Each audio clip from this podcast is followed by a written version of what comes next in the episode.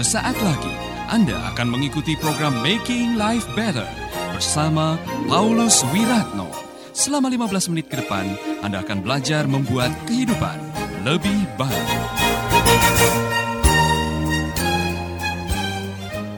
Masih berbicara mengenai orang kecil yang bisa dipakai oleh Tuhan untuk melakukan yang besar. Jadi jangan pernah meremehkan orang-orang yang kecil di sekitar kehidupan saudara.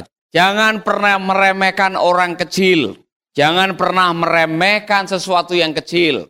Karena semua yang besar dimulai dengan sesuatu yang kecil. Apa yang bisa mengubah orang kecil jadi besar? Kita belajar dari Gideon. Dan kita akan melihat di dalam kitab Hakim-Hakim pasal 6.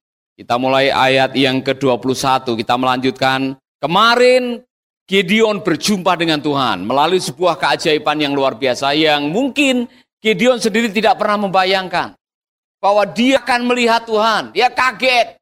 Di dalam bahasa Inggris, dia bilang, oh no, oh no, celakalah aku karena aku telah melihat malaikat Tuhan. Biasanya pada zaman itu, saudara-saudara, kalau ada kejadian-kejadian yang atau fenomena-fenomena surgawi, biasanya ada dua dampak. Akan ada kebaikan atau akan ada malapetaka. Jadi kalau ada peristiwa-peristiwa yang sifatnya fenomenal, itu biasanya bisa meramalkan apa yang akan terjadi di kemudian hari. Dulu waktu saya masih kecil, kalau ada komet, orang Jawa bilang lintang kemukus, itu orang sudah pada was-was. Jangan-jangan akan terjadi geger, ada kerusuhan, ada masalah dan sebagainya. Atau sebaliknya, akan ada tanda-tanda keajaiban. Nah saudara mari kita akan melihat. Ayat 21, dan malaikat Tuhan mengulurkan tongkat yang ada di tangannya, dengan ujungnya disinggungnya daging dan roti itu, maka timbullah api dari batu itu, dan memakan habis daging dan roti itu. Kemudian hilanglah malaikat Tuhan dari pandangannya. Maka taulah Gideon bahwa itulah malaikat Tuhan. Lalu katanya, celakalah aku. Tuhanku, Allahku. Sebab memang telah kulihat malaikat Tuhan dengan berhadapan muka. Siapa yang pernah melihat malaikat Tuhan? Saudara pernah melihat malaikat? Saudara percaya bahwa malaikat masih ada? Saudara masih percaya bahwa malaikat Tuhan masih mengelilingi saudara, diperintahkan oleh Tuhan untuk mengelilingi saudara, menyertai saudara, melindungi saudara, membantu saudara. Malaikat Tuhan masih aktif. Saudara yang tidak mengaktifkan, saudara aktifkan Facebook tapi saudara tidak mengaktifkan malaikat. Ya kan? Malaikat Tuhan dikirim untuk menolong kita supaya rencananya bisa terlaksana. Supaya umat Israel bisa memiliki seorang pemimpin. Tuhan mengaktifkan malaikat. Malaikat dikirim untuk menjumpai seorang pemuda. Saya yakin malaikat melakukan seleksi. ya kan? Dia jalan dari gua ke gua, dari sawah ke sawah, dari rumah ke rumah. Mencari orang yang dianggapnya bisa menjadi pemimpin. Sampai hari ini, malaikat Tuhan juga masih mencari orang yang bisa dan mau dan bersedia untuk dipakai oleh Tuhan. Rahasianya di mana orang mau dipakai oleh Tuhan? Saya tertarik di ayat berikutnya. Maka tahulah Gideon bahwa telah melihat Tuhan. Ayat 23. Perhatikan baik-baik.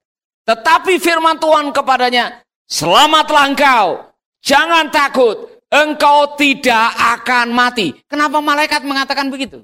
Kenapa malaikat mengatakan, hei, hei Gideon, kau selamat, kamu tidak akan mati. Karena Waktu itu Gideon bilang, celakalah aku.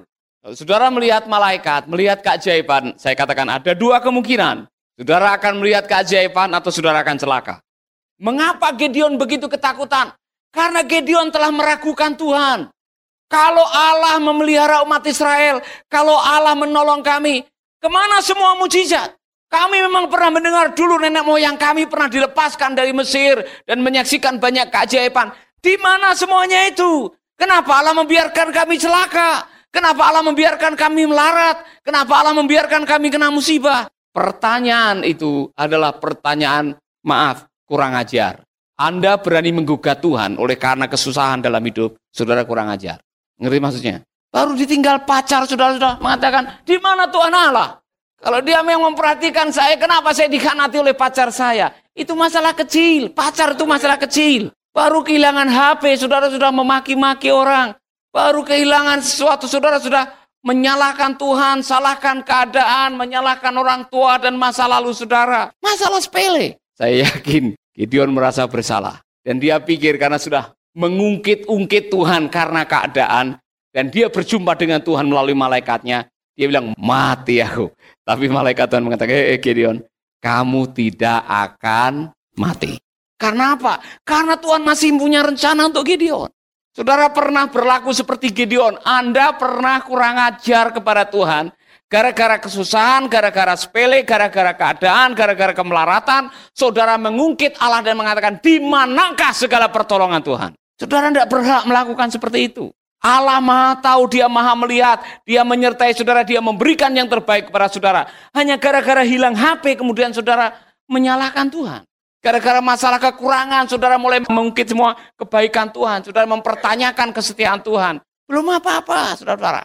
Kalau Allah mengungkit saudara-saudara, baru ditarik sarafnya satu aja jepit, saudara sudah tidak bisa apa-apa. Jangan macam-macam dengan Tuhan. Yang suka macam-macam dengan Tuhan. Sedikit-sedikit mengungkit, sedikit mempertanyakan, sedikit saudara mempersalahkan Allah dan surga. Saudara akan berurusan dengan Tuhan. Masih bersama Paulus Wiratno di Making Life Better.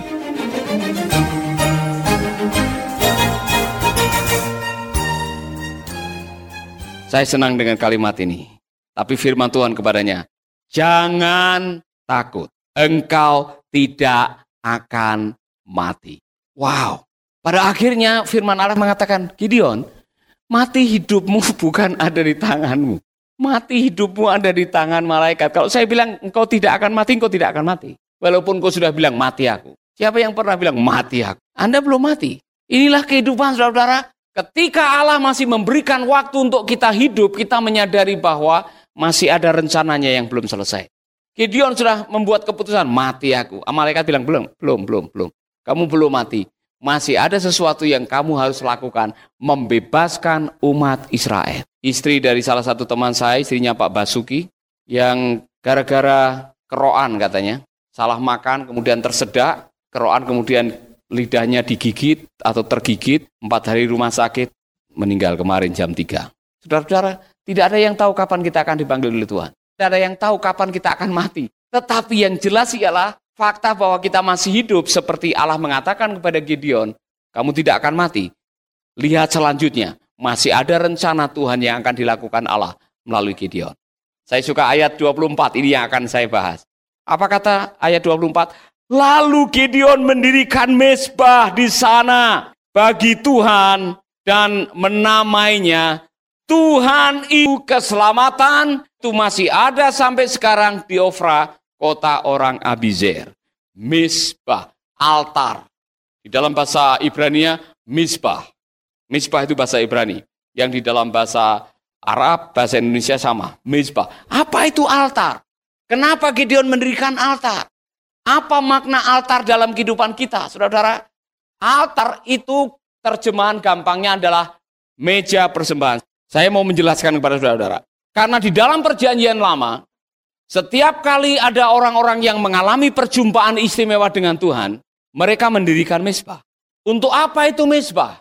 Untuk apa itu altar? Nomor satu, altar adalah terbuat dari batu, biasanya diatur seperti waktu saudara mau memanggang kambing atau menganggang binatang untuk memotong, untuk menyembelih, dan untuk kurban. Bakar. Dan saudara-saudara, di mezbah bakaran inilah terjadi apa yang namanya korban. Di mezbah biasanya ada binatang yang dikorbankan. Jadi Gideon membuat mezbah dia membuat meja korban. Dia ingin melakukan apa yang dikatakan berkorban. Apa yang dilakukan di mesbah ialah ada korban. Di mesbah ada sesuatu yang dikorbankan. Saudara-saudara, apa yang dilakukan oleh Gideon ialah ia menyembelih binatang korban. Dia korbankan sebagai apa? Sebagai milestone, sebagai sebuah tonggak sejarah iman.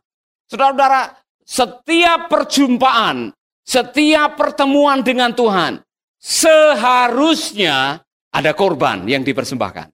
Di zaman dulu, setiap kali ada pertemuan, ada kejadian istimewa antara Tuhan dengan manusia, antara hambanya dengan yang di surga, selalu ada tugu peringatan. Dan di situlah biasa ada korban dan memberi nama tempat itu. Mengapa itu penting? Oleh karena itu untuk mengingat yang namanya milestone dalam kehidupan. Tonggak sejarah iman dalam hidup saudara. Siapa yang pernah melakukan hal yang sama? Yakub waktu dia berjumpa dengan Tuhan.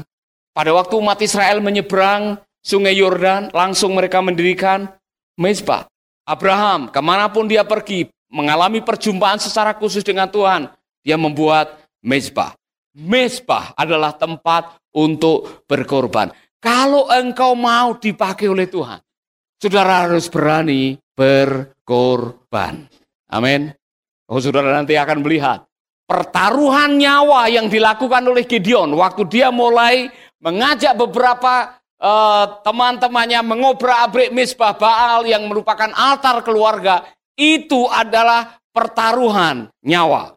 Tetapi kenapa Gideon berani melakukannya? Karena dia sudah membuat sebuah korban. Dia mengatakan, harusnya saya mati. Saya sudah melihat Allah, harusnya saya mati. Tetapi Allah memberikan kasih karunia. Karena dia juga mengatakan, berikan saya kasih karunia. Kasih karunia yang membuat dia akhirnya tidak mati waktu melihat malaikat. Membuat dia mengatakan, sudah waktunya sekarang saya mempertaruhkan nyawa saya demi kemuliaan nama Tuhan. Wow. Amin. Orang-orang yang mau dipakai Tuhan berani berkorban untuk pergi ke atas. Saudara harus berani melepas sesuatu. Sebab kalau engkau ingin naik terbang tinggi dan tidak melepaskan sesuatu yang memberatkan hidup saudara, saudara tidak akan pernah naik ke atas untuk dipakai oleh Tuhan dan saudara rindu mengalami hal-hal yang luar biasa, saudara harus berani melepas, mengorbankan sesuatu yang memberatkan perjalanan hidup saudara untuk dipakai Tuhan. Amin. Ada yang sudah berkorban? Demi panggilan, saudara harus melepaskan pacarmu di kampung. Karena dia tidak seiman dengan saudara. Waktu saudara dilepas di bandara, pacar mengatakan, kalau kamu mau melayani Tuhan, lebih baik putus saya. Waduh, saudara. saudara harus memilih antara panggilan atau pacar. Saudara katakan, putus demi panggilan. Itu contoh saudara berkorban. Tapi nanti sepanjang perjalanan hidup saudara, ada korban-korban yang lain yang saudara akan lakukan untuk melayani Tuhan. Amin. Haleluya. Oke, okay. Misbah is the place of sacrifice. Biasanya itu untuk binatang. Usually for sacrifice. Tetapi di dalam perkembangannya biasanya diikuti oleh covenant atau perjanjian. Di mesbah itu ada perjanjian. Di mesbah itu ada sebuah covenant dengan Tuhan. Saudara-saudara, saya rindu dalam hidup saudara ada titik-titik kehidupan di mana saudara punya milestone, punya peristiwa-peristiwa pribadi di mana saudara telah melihat Allah. Mungkin melalui kebenaran, mungkin melalui perjumpaan, mungkin melalui kesaksian, mungkin mengalami pengalaman-pengalaman yang membuat saudara mengatakan, mulai sekarang saya akan melepaskan ini, saya akan berhenti dari ini, dan saya menyerahkan hidup saya kepada Tuhan. Covenant, ada perjanjian dengan Tuhan. Sudah atau belum? Punya milestone?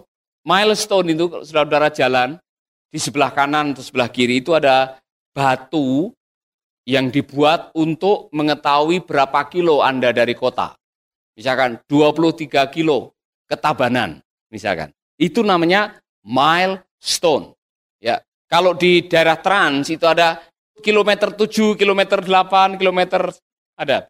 Itu namanya milestone. Milestone untuk mengingatkan seberapa Anda jauh melangkah di dalam kehidupan saudara. Dan setiap kilometer ada tanda di mana ditandai dengan mesbah tadi.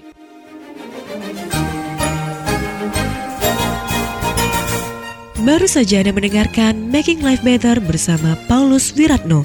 Jika Anda diberkati, kirimkan kesaksian Anda ke Radio Dian Mandiri Jalan Intan LC2 Gang 4 Nomor 1 Denpasar, Bali. Kunjungi website kami di www.pauluswiratno.org, Facebook Paulus Wiratno.